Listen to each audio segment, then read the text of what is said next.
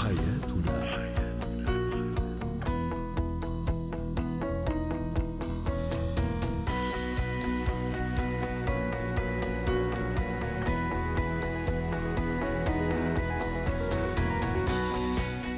مستمعينا الكرام أهلا بكم معنا إلى برنامج حياتنا برنامجكم اليومي الذي يعنى بالأسرة وباقي الشؤون الحياتيه الأخرى.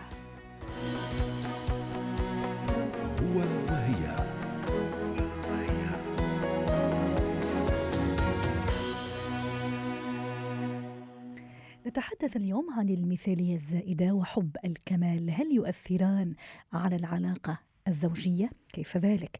للحديث والإجابة على هذه الأسئلة تنضم إلينا عبر الهاتف من بيروت الاستشارية النفسية والأسرية ميسون حمزة. مساء الخير أستاذة ميسون. المثالية شيء جميل ودائما نسعى لأن نكون مثاليين في أعمالنا في أشغالنا.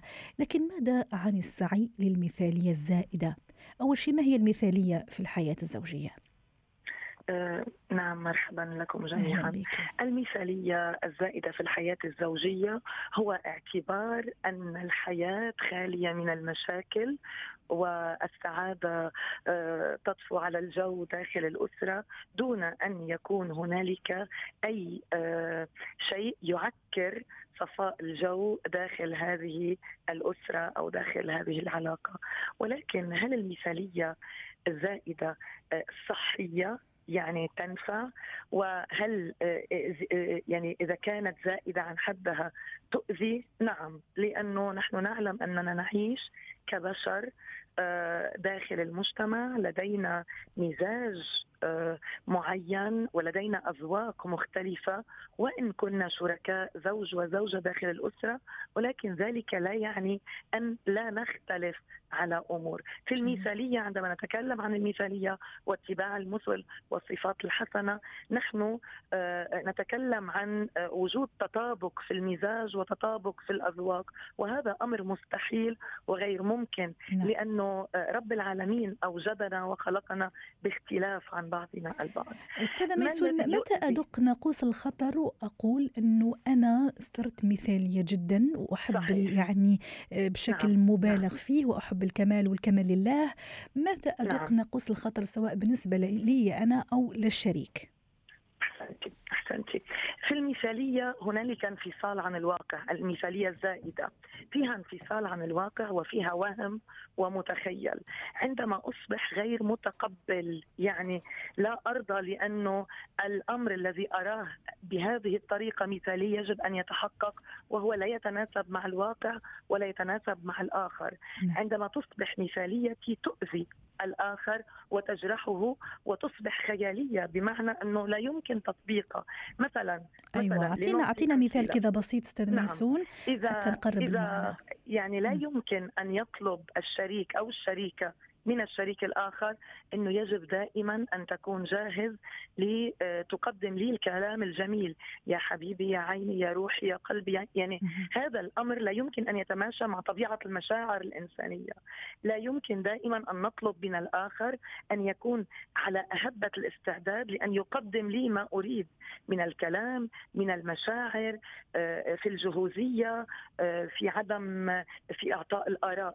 عندما أصبح متطلب من الآخر بشكل كبير وتطلبي من الآخر يحاكي فقط مشاعري أنا وما أريده أنا يكون هنالك ناقوس الخطر بدأ يدق وبدأت العلاقة تدخل في الانفصال عن الواقع وفي نعم. المتخيل والوهم وكأني أفهم من كلامك استاذه ميسون كلامك عفوا استاذه ميسون أنه أيضا سقف التوقعات لا يجب أن يكون عالي جدا حتى وإن كنا.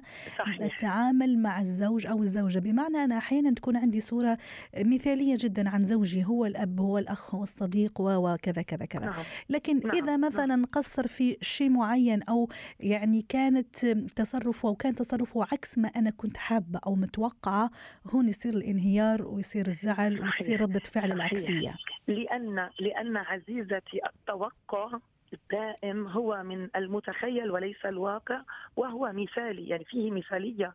أنا عندما أتوقع أن زوجي سيحبني في كل الأحوال زوجي سيتقبل مني ما أريد. زوجي يعني لنتخيل مثلا أن زوجة دائما تريد من زوجها أن من زوجها أن آه، لا يدعو والدته إلى الطعام أو لا يكرم لأن ذلك يؤذيها. فتبني توقع أنه يحبني ولأنه يحبني لن يقوم بالفعل الذي يؤذي. مشاعري. هذه التوقعات هي تماما تلك المثالية. يعني التوقعات التي تبنى على الآخر هي أساسا مبنية على تعلقي بالمثالي بالأمر المثالي. حتى المبالغة في في يعني في التوقع الإيجابي أحيانا إنه أريد أن أكون كاملة في كافة المواصفات، يجب أن أقوم بكافة الواجبات مع الآخرين، يجب أن أرضي الآخر بشكل دائم لكي تبقى صورتي حسنة. وهذا أحيانا قد يؤثر علي أستاذة ميسون أو على الشخص الشريك سواء كان زوج أو زوجة، هذا يعني نعم. المحاولة أحيانا المبالغ فيها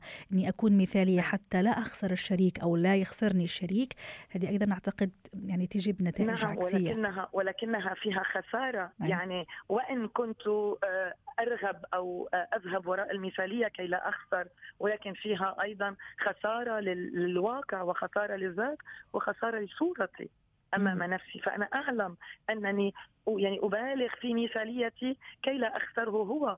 وهنا التعلق الزائد بالأفكار أو الأوهام بحد ذاته مؤذي لأن الآخر لديه مشاعر يعني يستطيع وأفكار وقناعات ويستطيع أن يكشف.